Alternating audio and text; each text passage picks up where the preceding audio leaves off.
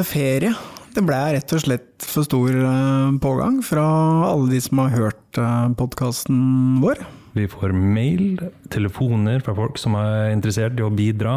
Så vi har satt oss eh, tilbake i studio. Vi fortsetter i hvert fall å følge denne saken eh, så langt det er eh, mulig. Vi var jo med Jannik da han gikk inn for å sone. Så han er innenfor lås og slå, men det er jo ikke vi. Så vi kan jo Av en eller annen grunn så sitter vi her fremdeles. ikke blitt bura inne ennå. Men uh, vi skal ikke snakke om Jannik i dag. Nei, det skal vi ikke. Fordi uh, denne historien har egentlig ikke noe med Jannik å gjøre. Men Kari Breirem sin historie fattet jo vår interesse. Fordi den har en fellesnevner med historien til Jannik, og det er jo Kjell Inge Røkke. Ja, hun har jo en spennende historie å fortelle. Den har jo vært eh, fortalt før, i den forstand at hun har gitt ut en bok. Men jeg bet meg jo merke i at Jannik eh, var jo litt innpå det hun skal fortelle om i dag. Jannik fortalte jo at han var i et møte med, med Røkke samme kvelden som noe forferdelig eh, skjedde, og hvordan Røkke hadde reagert da. Ja, Det som skjedde, var jo at Tore Tønne, som eh, hadde en sak Tore Tønne var jo eh, helseminister i eh, den første Stoltenberg-regjeringa. Og gikk av som minister, men mottok etterlønn samtidig som han gjorde et oppdrag for Kjell Inge Røkke i forbindelse med oppkjøpet av Aker.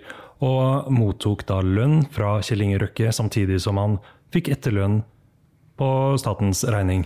Ja, og de pengene ble jo forsøkt skjult betalt ut til Tore Tønne vi av et advokatfirma hvor intervjuobjektet vårt eh, jobbet.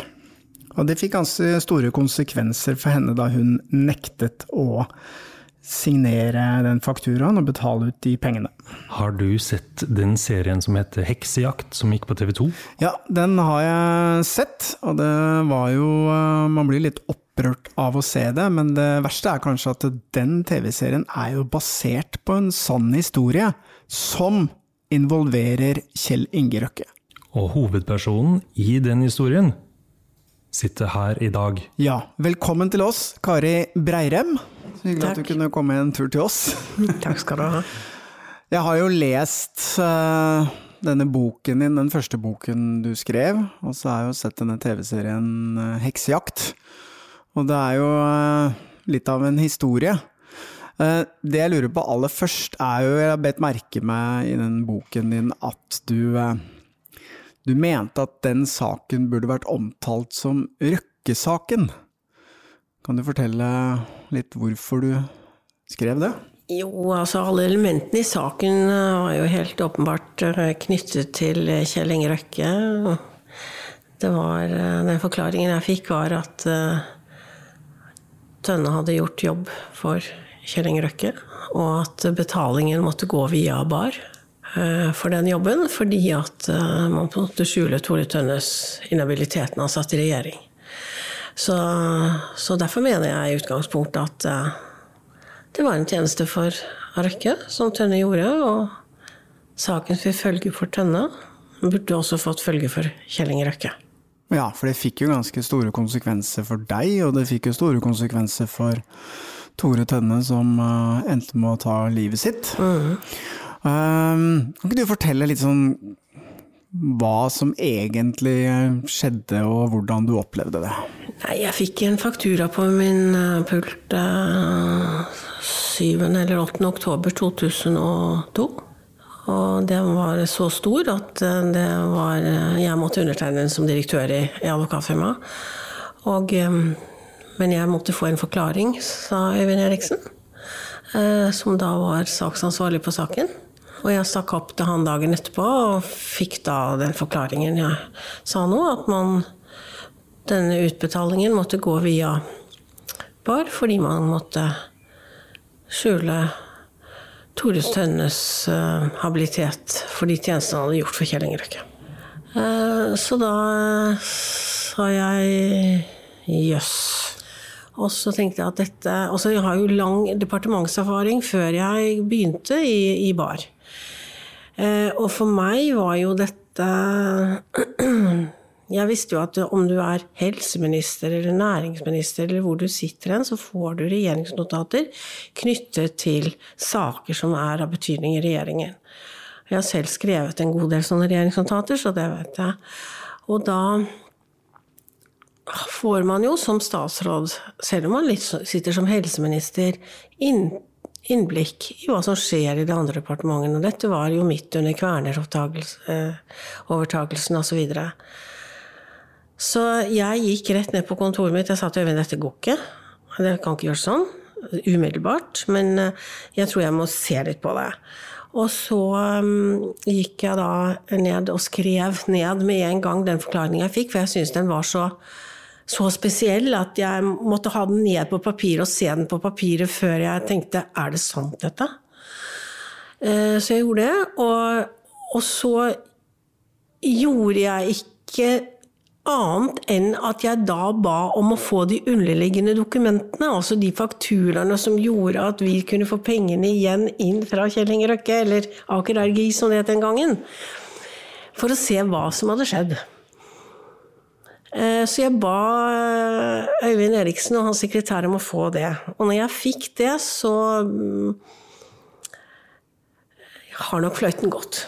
Mm. Ikke sant? Det har jeg jo skjønt i ettertid. Jeg skjønte jo ikke det da.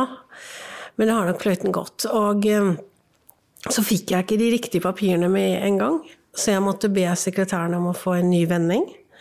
Da fikk jeg beskjed om at det var en ikke veldig blid Øyvind Eriksen som ga ut de dokumentene. Når jeg da begynte å regne, så så jeg jo at advokat, helt nytilsatt advokatfullmektig det, det, var jo oppblåst faktura med helt nytilsatte advokatfullmektiger som tok 5000 kroner timen. Og dette er jo tilbake til 2002, altså. 5000 kroner timen? Ja, og partnere 10 000 kroner timen. Og da tenkte jeg at dette er jo helt galskap. Og det, og det var penger som gikk til Tore Tønne? Det var Nei, det var, det var Vi skulle Altså det var en, vi hadde utferdiget i bar en faktura til Aker RGI for å kunne dekke opp eh, under utbetaling til 1,5, en delutbetaling til eh, Tore Tønne på 1,5 millioner kroner. Så måtte jo vi få pengene inn. Og den fakturaen som underbygget at vi fikk pengene inn, og som var kjent, sendt til Aker RGI, den var oppblåst. Det er liksom the firm, ikke sant? Men bare i The Firm så var klienten ikke med på den, dette spillet, mens i, i Barsom var, det, var klienten, altså Kjell Inge med på det spillet. Ja. Altså, jeg tror vi må bare forstå uh, Tore Tønne og hvilken rolle han har hatt oppi der. For han jobba først for Kjell Inge Røkke, og så ble han helseminister. Og så gikk han av som minister og mottok penger fra Røkke-systemet. Ja, samtidig som han hadde etterlønn. Ja, og ja. den etterlønnen den er på en måte kommet inn som en sånn litt sånn um, avvik i saken. Uh, og det har vært brukt uh, som en sånn uh, forklaring, og dermed skyver man bort den virkelige saken. Fordi det som har skjedd, og som man antar har skjedd Det, altså, det var et regjeringsskifte på høsten. Sånn at de delutbetaling på 1, så, så da gikk eh, Stoltenberg-regjeringen av hvor Tore Tønne var helseminister. Så kom Bondevik, jeg tror det var to-regjeringen.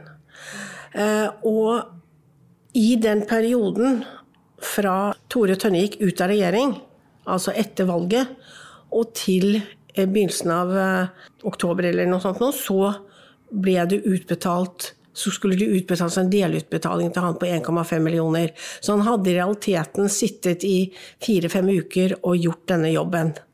Og det ble brukt som om det var noe han gjorde, og dermed ikke skulle hatt den etterlønnen han fikk. Det var, en, det var, en, sak som hun Ågot Valla, som da, Valle, som da satt som leder av kontroll- og konstitusjonskomiteen i Stortinget da, hevdet at her var det også det en feil. Det var jo ikke det saken her handlet om. Saken handlet ikke om etterlønn, for hvorfor skulle, av verden skulle jeg som direktør i et i et advokatfirma bry meg om statlig etterlønn. Det var jo langt fra fetched for meg. Det jeg så, og den forklaringen jeg fikk, det var at det var en delutbetaling som Og det, vi vet, kommer aldri til å få vite det endelige beløp, men det var en delutbetaling som skulle gå til eh, Tore Tønne. Måtte sendes via VAR for å skjule hans inhabilitet når han satt i regjering. Og i og med at regjeringen da nylig hadde gått av, så ble det den fokusen på etterlønn. Men jeg reagerer jo litt på 1,5 millioner kroner for noen ukers arbeid. Ja, altså, altså, Når du får liksom betalt det, så betyr det jo ikke at du har gjort en, eh, en, helt normal konsulentjobb. Det virker jo som om man har betalt for noe som egentlig ikke skal kjøpes for penger. Mm. Det er det. For det er jo utrolig mye penger på kort tid. Ja, og man, i og med at det er også en delutbetaling, så vet man jo ikke hvor stor det endelige, det endelige beløpet var. Og dette var jo uh, eks-MVA også, så det var Ja, så den kom jo på toppen. Men Det har ikke noen stor betydning, men, men, i hvert fall, vi vet ikke hvor mye, hvor mye beløpet er. Det er også den andre tingen jeg reagerer på hvis vi liksom skal snakke om det som skjedde. Altså, hvis du ikke har gjort noe galt, mm. hvorfor i all verden skal du skjule en utbetaling gjennom et advokatfirma? Nei, det kan du si. Altså det, det, jo, det er jo liksom oppskriften på at du har gjort ja, noe gærent. Det var jo liksom det første jeg tenkte på, kombinert med da eh, at jeg tenkte med en gang hva, hvor, hvor, hva er det slags informasjon han har fått eh, betalt for? Men du, du er jo advokat. Mm. Og hvis et advokatfirma hvitvasker, for det er jo på mange måter det de gjør. Mm. Penger gjennom sitt ja, eh, firma. Hvilke konsekvenser skal det egentlig ha for et advokatfirma? Nei, Det burde i hvert fall fått andre konsekvenser enn det fikk her. Eh, det er klart at eh, ja, satt, slik jeg mener det burde være, da, så burde i hvert fall Øyvind Eriksen mistet advokatbevillingen sin. Det, det var jo åpenbart. Han fikk 50 000 i bot. Men Bar fikk jo en eh, altså Jeg vet ikke om jeg kan kalle det ripe i lakken jeg ser at de fortsetter på samme måte når de har fortsatt i alle disse årene. Men eh, det var det første advokatfirmaet som fikk en ganske, ganske kraftig rettelsettelse fra Advokatforeningen. Men det som uroet meg eh, kanskje mest, det var jo det at Økokrim ønsket og hadde jo tatt ut tiltale når Tore Tønne Som de trakk da Tore Tønne døde. Og så reiste de tiltale mot Øyvind Eriksen og, og advokatfirmaet Bar, og da begynte jo Bar å ville betale bøter og osv. osv. Men det ville ikke Økokrim, så det var et veldig juridisk sirkus utover den våren 2003. Og saken var berammet til august, eh, august eh, samme året, 2003. Men plutselig, etter et juridisk sirkus utover hele den våren, så eh, ga Riksadvokaten etter og henla saken ut fra, slik jeg har forstått det, på en litt spesiell, med en litt spesiell hjemmel. Og da tenker jeg hva er dette for noe? Det har jeg aldri fått svar på. Men jeg må jo si at jeg som samfunnsborger spør meg selv hva er dette for noe? Ja, har du noen tanker om hvorfor Riksadvokaten plutselig henlegger, eller Nei, altså, griper inn og sørger for at det ikke blir noen rettssak? Vanligvis er det jo sånn uh, når det er rike sikkerhet og den type ting, at man, at man må gripe inn. Og, men jeg vet ikke om det forelå noen andre grunner uh, som jeg ikke vet om han kan bruke. Men han brukte altså en hjemmel man, om at de skulle få betale boten. Eh, på samme måte som en, en, som kjører for fort i trafikken skulle få betale bot i ettertid. Er vel ikke helt det samme forholdet, sånn som jeg ser verden, da. Mm. Så, men utover det så blir det jo bare spekulasjoner. Hvordan var BAR som selskap å jobbe for? da? Ja, nei, BAR var et eh, ålreit uh, selskap å jobbe for. Det var veldig mange flinke, uh, dyktige både uh, unge advokater og partnere osv. De, de, fleste som kommer i bar, eller kom i bar den gangen også, var ambisiøse jurister. Um, og og det var jo mange av dem som gikk til andre sentrale jobber i, i større advokatfirmaer også, nye partnere i andre firmaer. Så, så jeg syns det var fint. Og jeg likte meg i bar. Jeg trivdes i bar. Um, så, så, så så da den fakturaen her kom, Ja. så var det som lyn fra klar himmel for din del, eller? Ja, altså, jeg, ja, altså det var det jo, fordi, fordi eh, vi hadde jo Var hadde var det, Jeg husker ikke, det var 60-40-årsjubileum, tror jeg det var. Og, men uansett, så vi hadde jo en svær fest i Stockholm hvor det var full jubel og ikke Det var slutten av september, eller midten av september, det var ikke noe problem av noe slag. Uh, uh, og, og tre måneder før det så hadde jeg fått lønnsforhøyelse med et brev på tre sider hvor det var, ble skrytt av hvor flink jeg var og utrolig hva jeg hadde fått til. Så dette her kom som lyn fra klar himmel. Og da var Røkke en klient Ja, Røkke, eh, var, Bar? Røkke kom til bar omtrent når jeg kom til bar. Ja. Ja. Så jeg kom til bar i åt- 98, og det gjorde han også omtrent på samme tid. Hvor mye, hvor stor del av omsetningen til bar sto eh, Røkke og det- Aker-systemet vet du hva? for? Da vet du det? Nei, det, det, jeg regnet aldri på det, men det var en vesentlig grad av barsomsetning etter hvert. Vi kan trygt si at han var en viktig kunde Ja, for han var en viktig klient for bar, det er jeg ikke i tvil om. Det var han. Møtte du Røkke? Ja, en gang. Ja. Hvordan inntrykk eh, ga han? Nei, jeg hadde, altså, jeg hadde ikke noe dårlig inntrykk av Kjell Inge Røkke. Han var, eh, han var ganske beskjeden og satt ved et, eh, enden av et bord og sa i grunnen ikke så veldig mye. Men du fikk ikke noe Han var ikke noe Du Nei, snakket han var med ikke han var han var, ikke, noe- han var, han var aldri noen uforskammet, opplevde jeg i hvert fall, da. Men Men vi har jo hørt eh, andre fortelle som har vært i nærheten av han, at han har eh, omtalt deg i ganske ja, det, ja, fæle ordelag. ja, det vet jeg at han har. Ja, du har hørt det andre steder? Jeg har, Mhm. ja, jeg har hørt i hvert fall ett av uttrykkene, og det har jeg også omtalt i boka mi. Ja. Ja.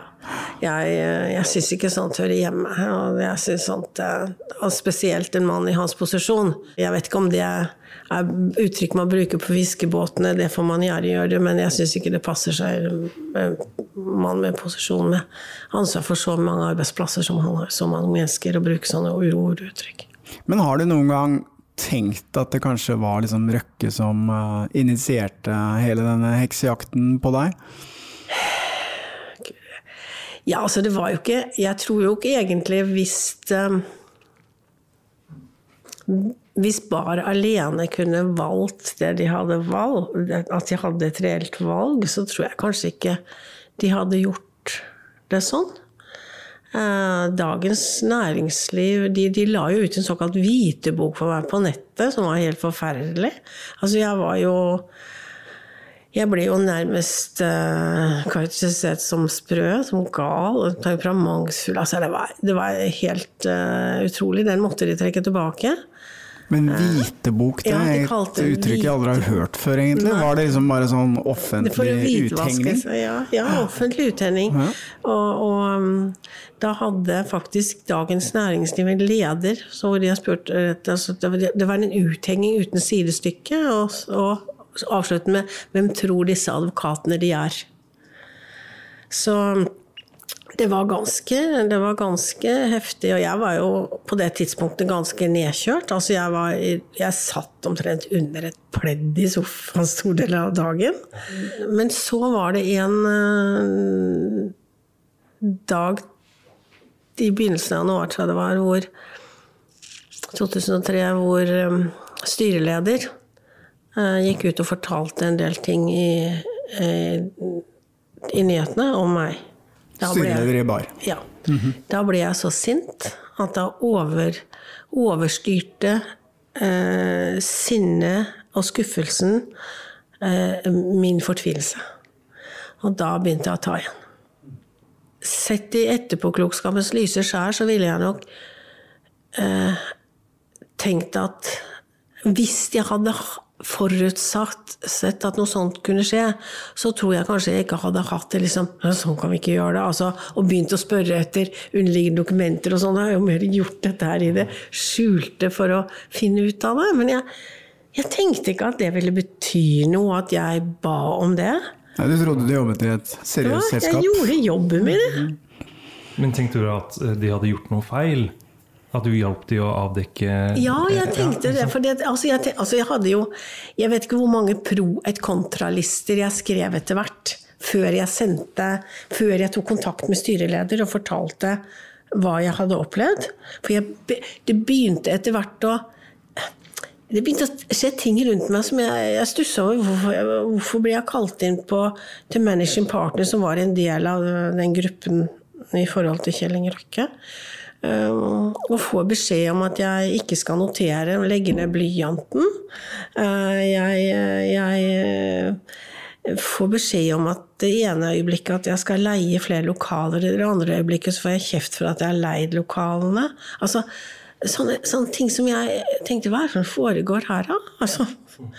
For den gangen så var jo ikke varsling noe begrep. Og det var jo ikke altså det var jo ikke, Men i ettertid så har jeg jo skjønt at det han drev med, det var regnstykka gjengjeldelser og et forsøk på å, å sable meg ned for å bli kvitt meg.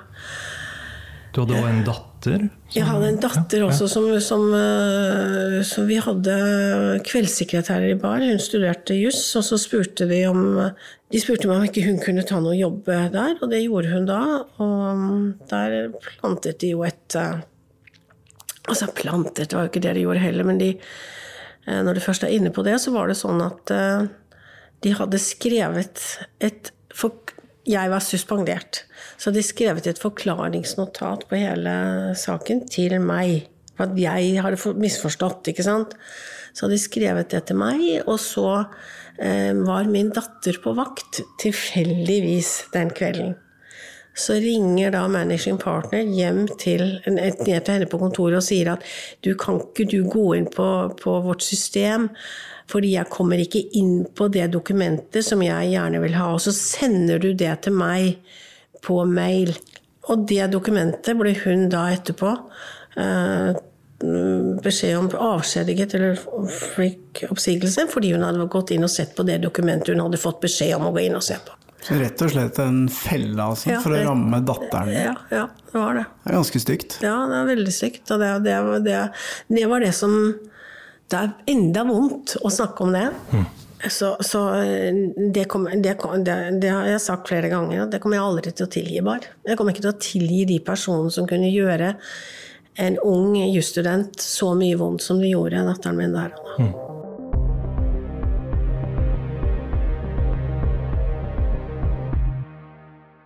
Ungsamtalen fra DNB er økonomisk veiledning tilpasset deg som er ung. Bokk en ungsamtale på dnb.no. ung. Ok, det var jo en syk døll måte å forklare ungsamtalen på, da. En smart prat om penga mine, ville jeg sagt. Ikke sånn kjedelig økonomisprat, skjønner du. Hva gjør hun i dag, da? I dag jobber hun med arbeidslivskriminalitet. Ja, så bra! Så hun er jurist og gjør det, ja.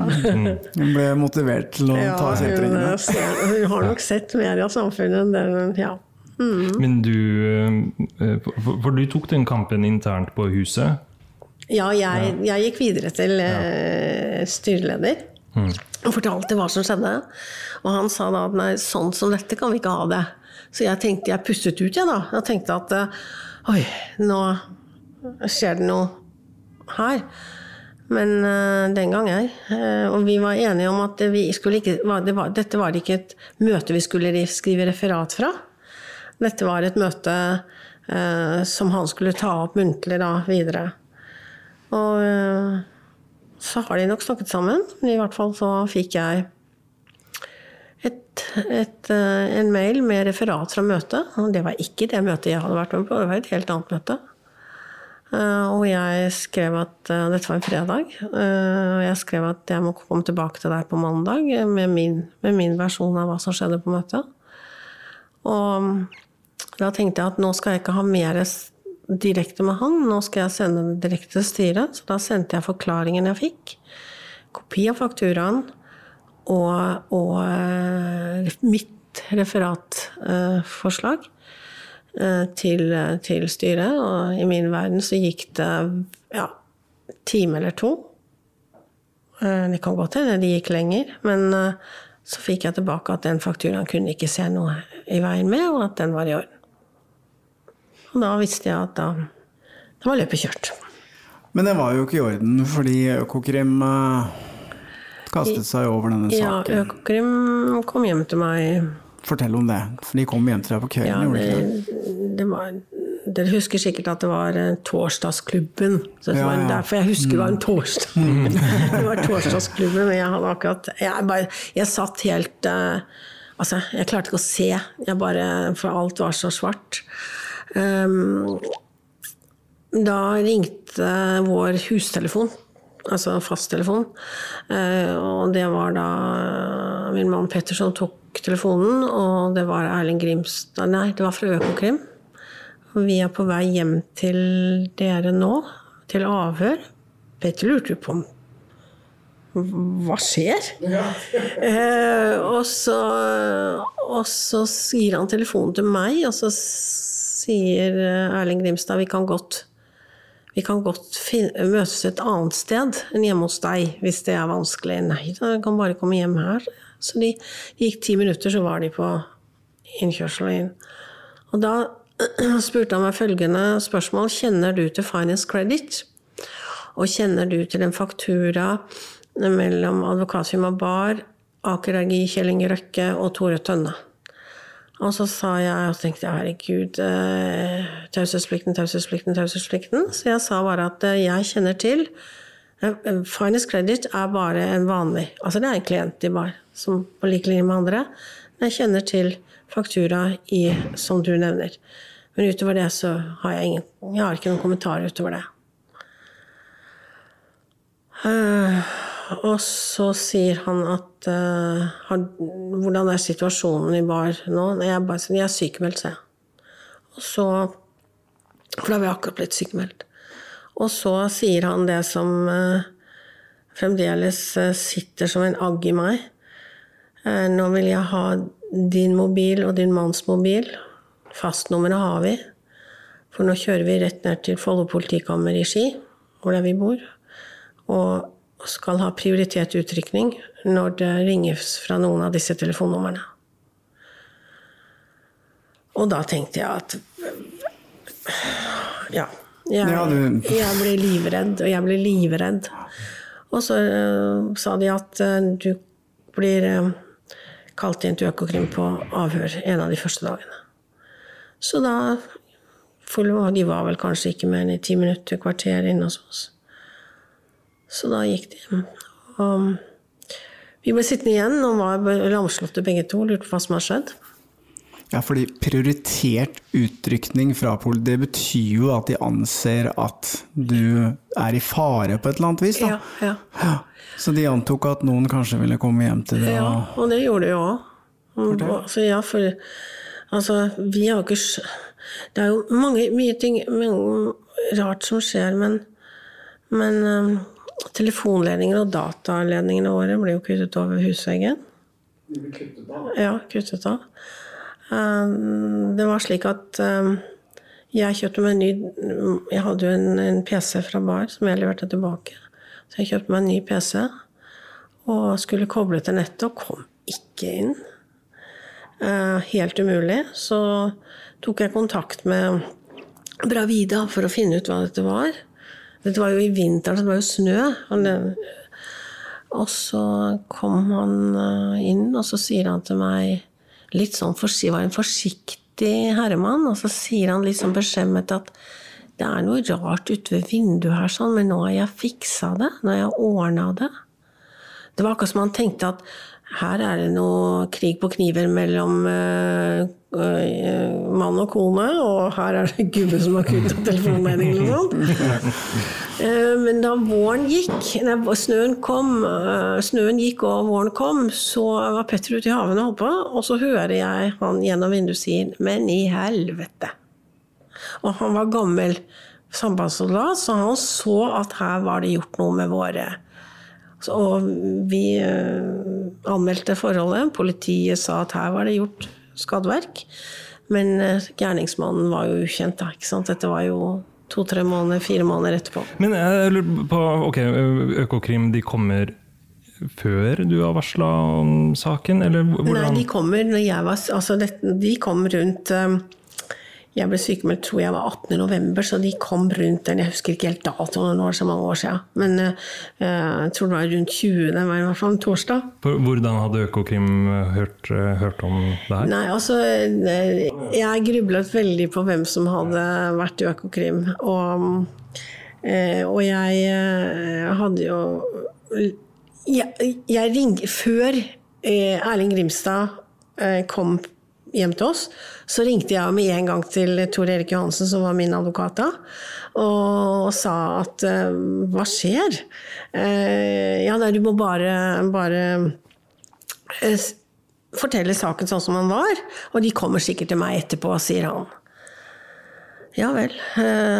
Og, og morgenen etterpå så dro jeg inn til han, og vi satt jo og snakket lenge, og jeg grublet over hvem det var som kunne ha vært hos Økokrim. Eh, og senere også, noen dager etterpå, så grublet jeg over hvem som kunne ha vært hos Dagbladet. Eh, I ettertid så har jeg nok forstått at det var Jeg fikk aldri vite det, han sa det aldri til meg selv. Men eh, jeg har nok forstått at det var Tor Erik Johansen da som har um, varslet. Altså din advokat ja, min advokat. Mm, som har varslet. Ja, ja. Hva tenker du om det, da? Nei, altså, Var det en positiv ting, eller? Nei, altså, jeg, jeg, jeg, tror jeg vil dele det i to. Altså, det at han eh, har gitt beskjed, kan jo hende at han har visst mer om en eventuell fare jeg var i, som ingen andre så. Men hvis du ser på, hvis, vi går litt tilbake til uh, at det var eh, egentlig denne tjenesten for Røkke da, som startet opp alt sammen, fikk dette her på noen som helst måte noen konsekvenser for Røkke selv? Nei, det eneste den saken fikk konsekvenser for, det var uh, Tore Tønne. Og for meg, og for media. For det er klart at uh, den myten som ble skapt at media drepte Tore Tønne, som ble skapt, skapt av uh, Jens Ultet Moe, som på det tidspunktet var leder av NHO um, gjorde at media ble engstelige og redde i mange år fremover. Men det ble jo, det ble jo liksom gjort noe kriminelt her. Ja. Altså, det blei jo det. Mm, det var jo et forsøk på å skjule en, en, pengetransaksjon og hvitvasking av den pengetransaksjonen, og så fikk det ingen konsekvenser for han som hadde bedt om denne tjenesten. Nei. Altså Røkke. Nei. Ingen verdens ting. Nei, ingenting. Absolutt ingenting. Hvorfor tror du det er sånn at en type som Røkke sklir unna? Men har vi ikke en sånn affinitet for rike folk her i dette landet? De skal slippe unna på en måte. Altså, det er eh, makta pengene rår, som han kosta ut katta. Det er liksom Det er, det er sånn vi, vi, vi, har en sånn eh, Ja, du, kom, du kommer eh, lettere ut av ting, og det får ikke konsekvenser for deg hvis du bare du kan vise at du har penger, og det tror jeg kanskje har blitt forverret etter eh, at vi har blitt en oljenasjon. Mm. Men bare det å ha penger er jo ikke nok? Nei, du må ha, nei, du må ha et nettverk òg. Mm. Ja. Og det har han? Det har han. Politiske kontakter. Ja, og det, det jeg tror, er at han har vært eminent til, til å få um, politiske kontakter. Og, han, og det at han har knyttet så sterke bånd også til fagbevegelsen. Eh, har hatt eh, enorm betydning. Men du har jo vært advokat i mange år og jobbet i advokatfirma og i domstolsadministrasjonen og litt av hvert. Kan du svare meg på Borgarting, lagmannsrett. Mm. Ja. Mm. Kan du eh, svare meg på følgende, er loven lik for alle? Nei. Nei. Jeg blir mer og mer forbauset over det jeg opplever som advokat også. Både også hva, hva politiet henlegger og hva de ikke henlegger. og når det reises tiltale, og når det ikke reises tiltale. Og, eh, nei, det er nok dessverre ikke det. Det er eh, Jeg vil jo si det sånn at eh, jeg trodde jo på eh, Jeg oppdratt i en sånn tro på at eh, ordning og reda og at her, Norge er et, eh, en rettsstat der loven er lik for alle osv. osv. Men Eh, Eh, først med bar og, og, etterpå det jeg opplever nå som, eh, som advokat gjennom ti år, og jeg si at eh, det er dessverre ikke sånn. Min tro på Norge har nok dessverre fått et skudd for baugen.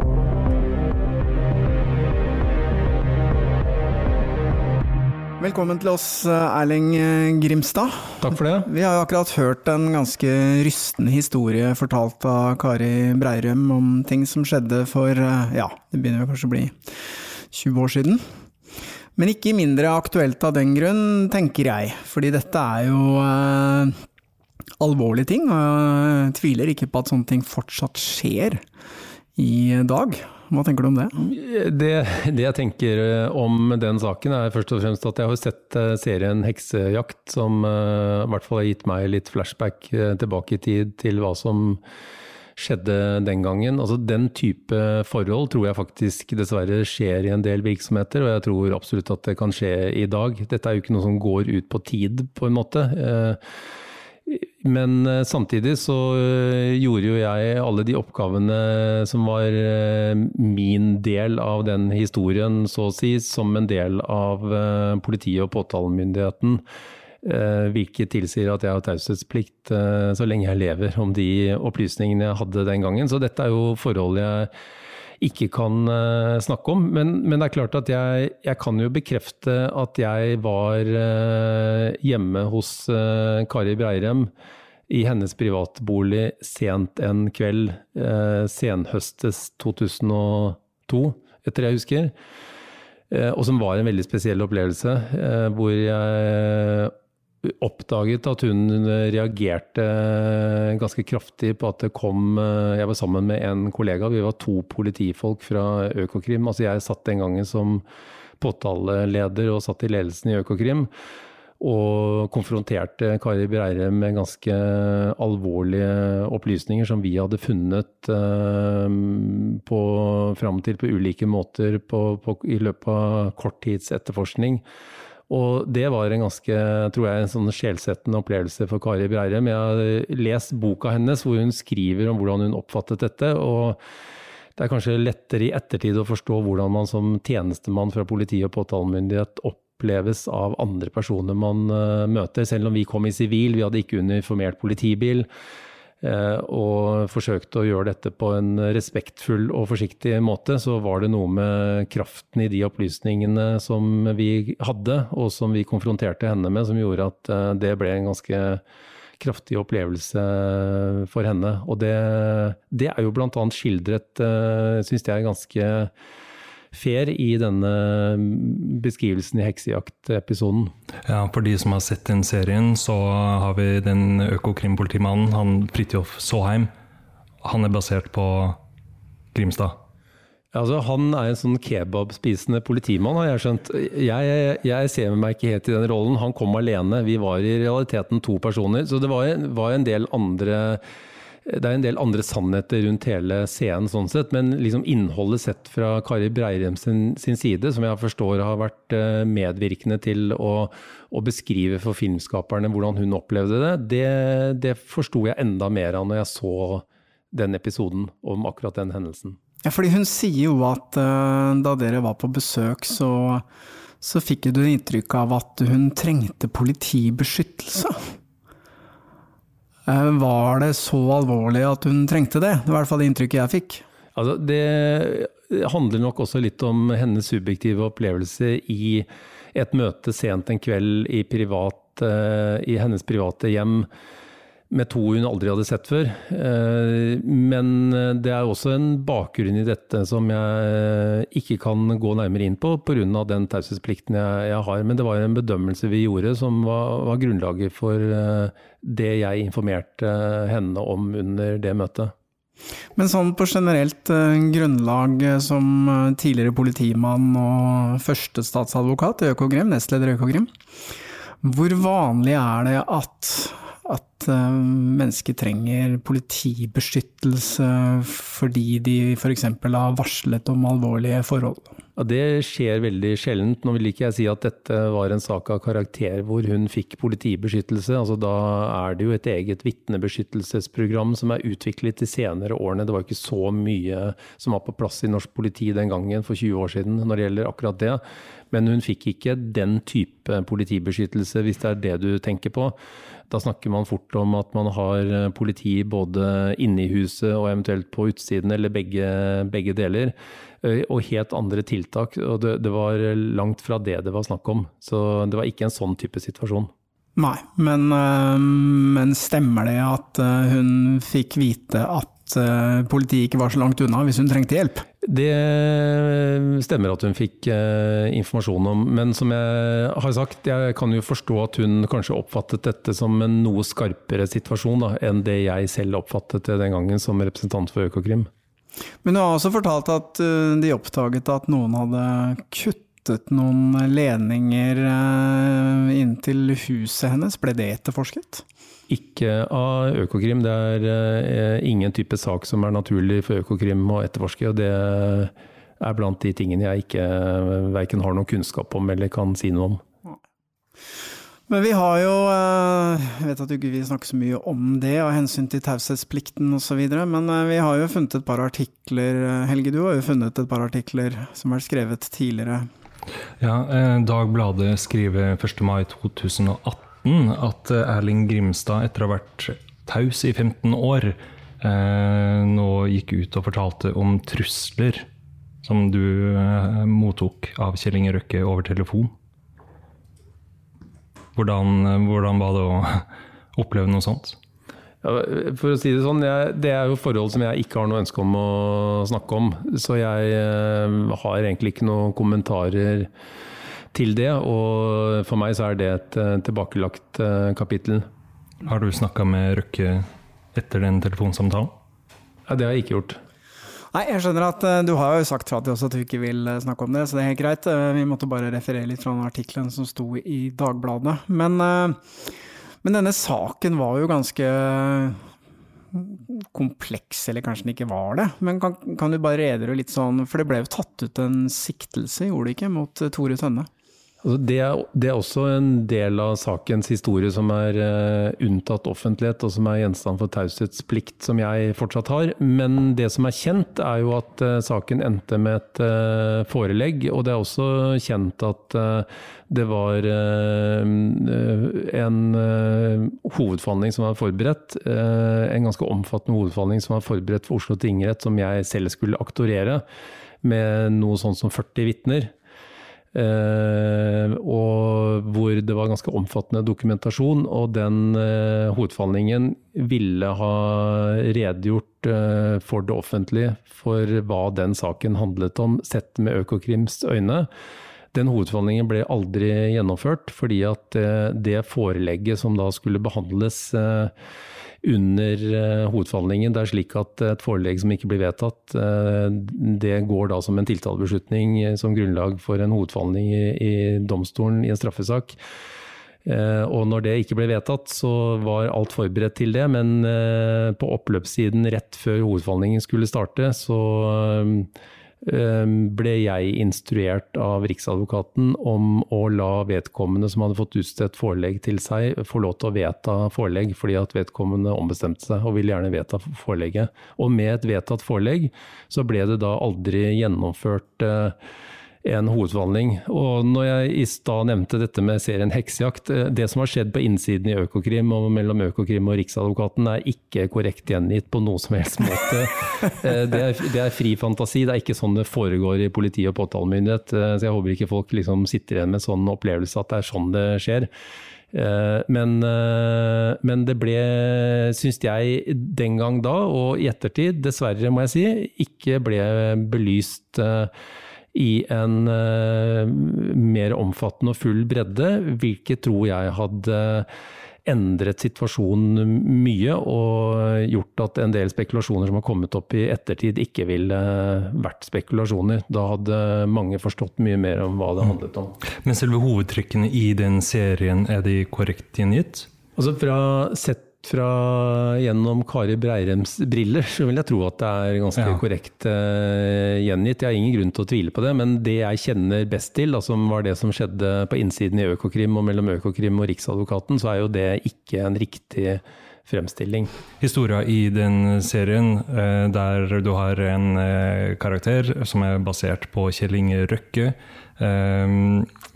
betaler penger til en annen karakter som er basert på Tore Tønne, eh, gjennom et advokatfirma Bar. Er det riktig historie? Det er blant de tingene jeg ikke kan kommentere.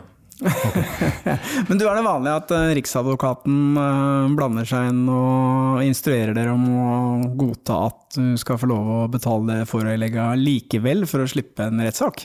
Altså, jeg, jeg, jeg, kan jo bare svare for min egen erfaring. Jeg hadde da på det tidspunktet vært uh, i påtalemyndigheten i elleve år, før det elleve år som politietterforsker i økonomiske straffesaker. Uh, jeg hadde aldri opplevd det selv hadde aldri egentlig hørt om en tilsvarende situasjon heller, men det, dette var heller ingen vanlig straffesak. Den var unik på alle, alle, måter.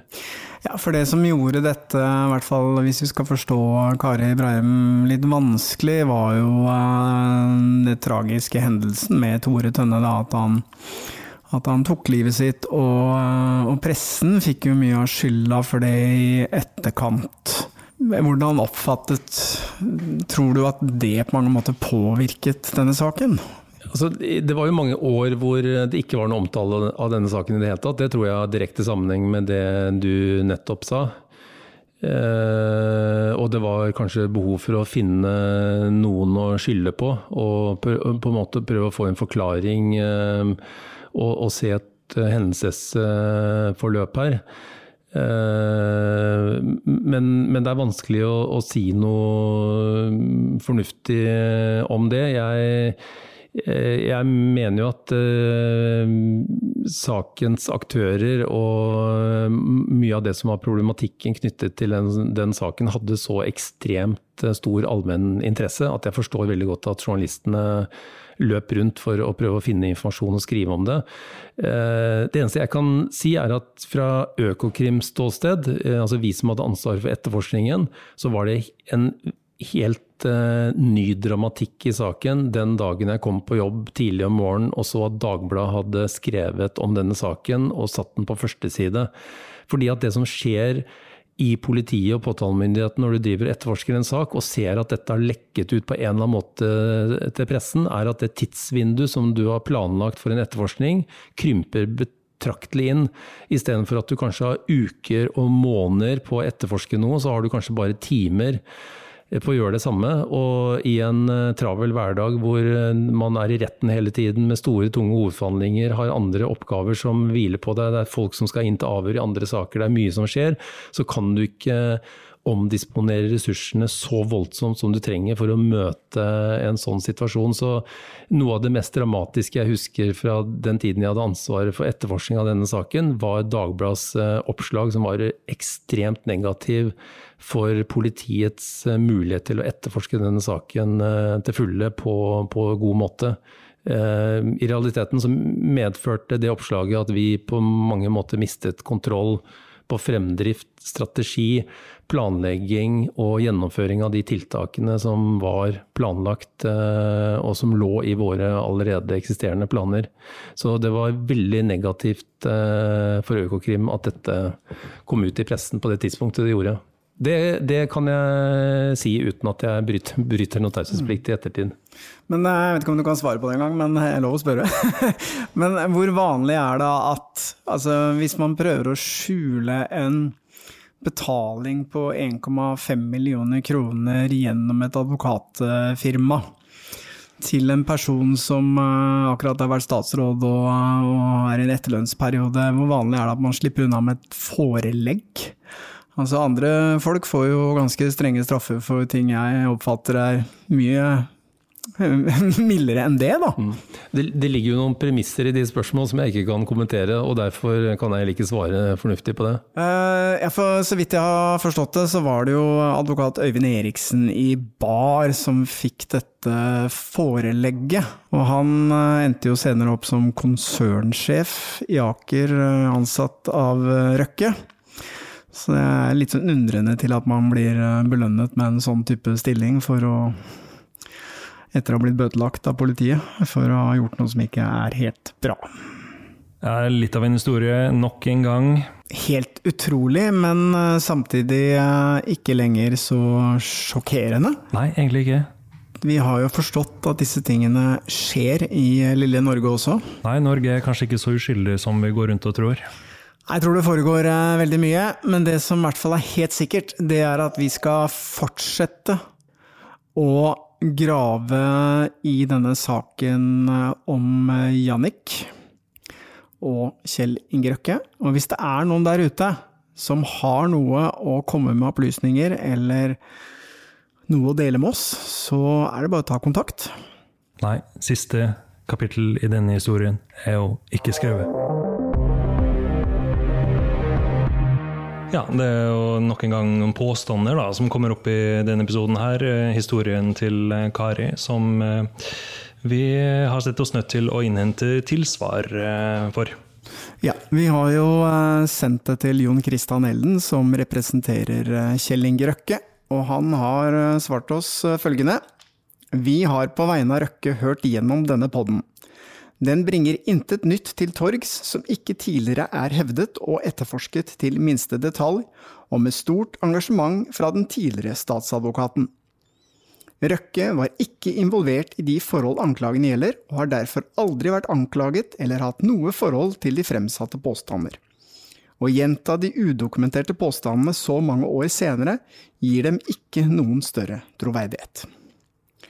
Vi har også sendt det til advokatfirmaet Bar, men der har vi ikke fått noe svar.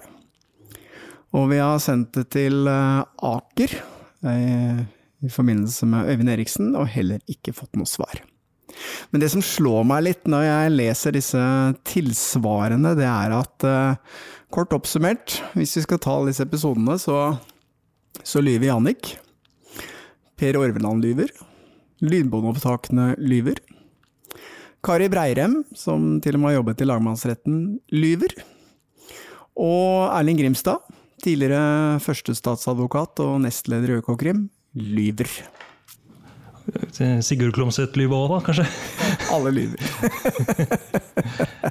det er én mann som eh, sier sannheten. Og det er Kjell Inge Røkke. Han sier jo ingenting engang. Han snakker jo bare gjennom sine advokater. Det er helt riktig. Jeg tror på Ikke.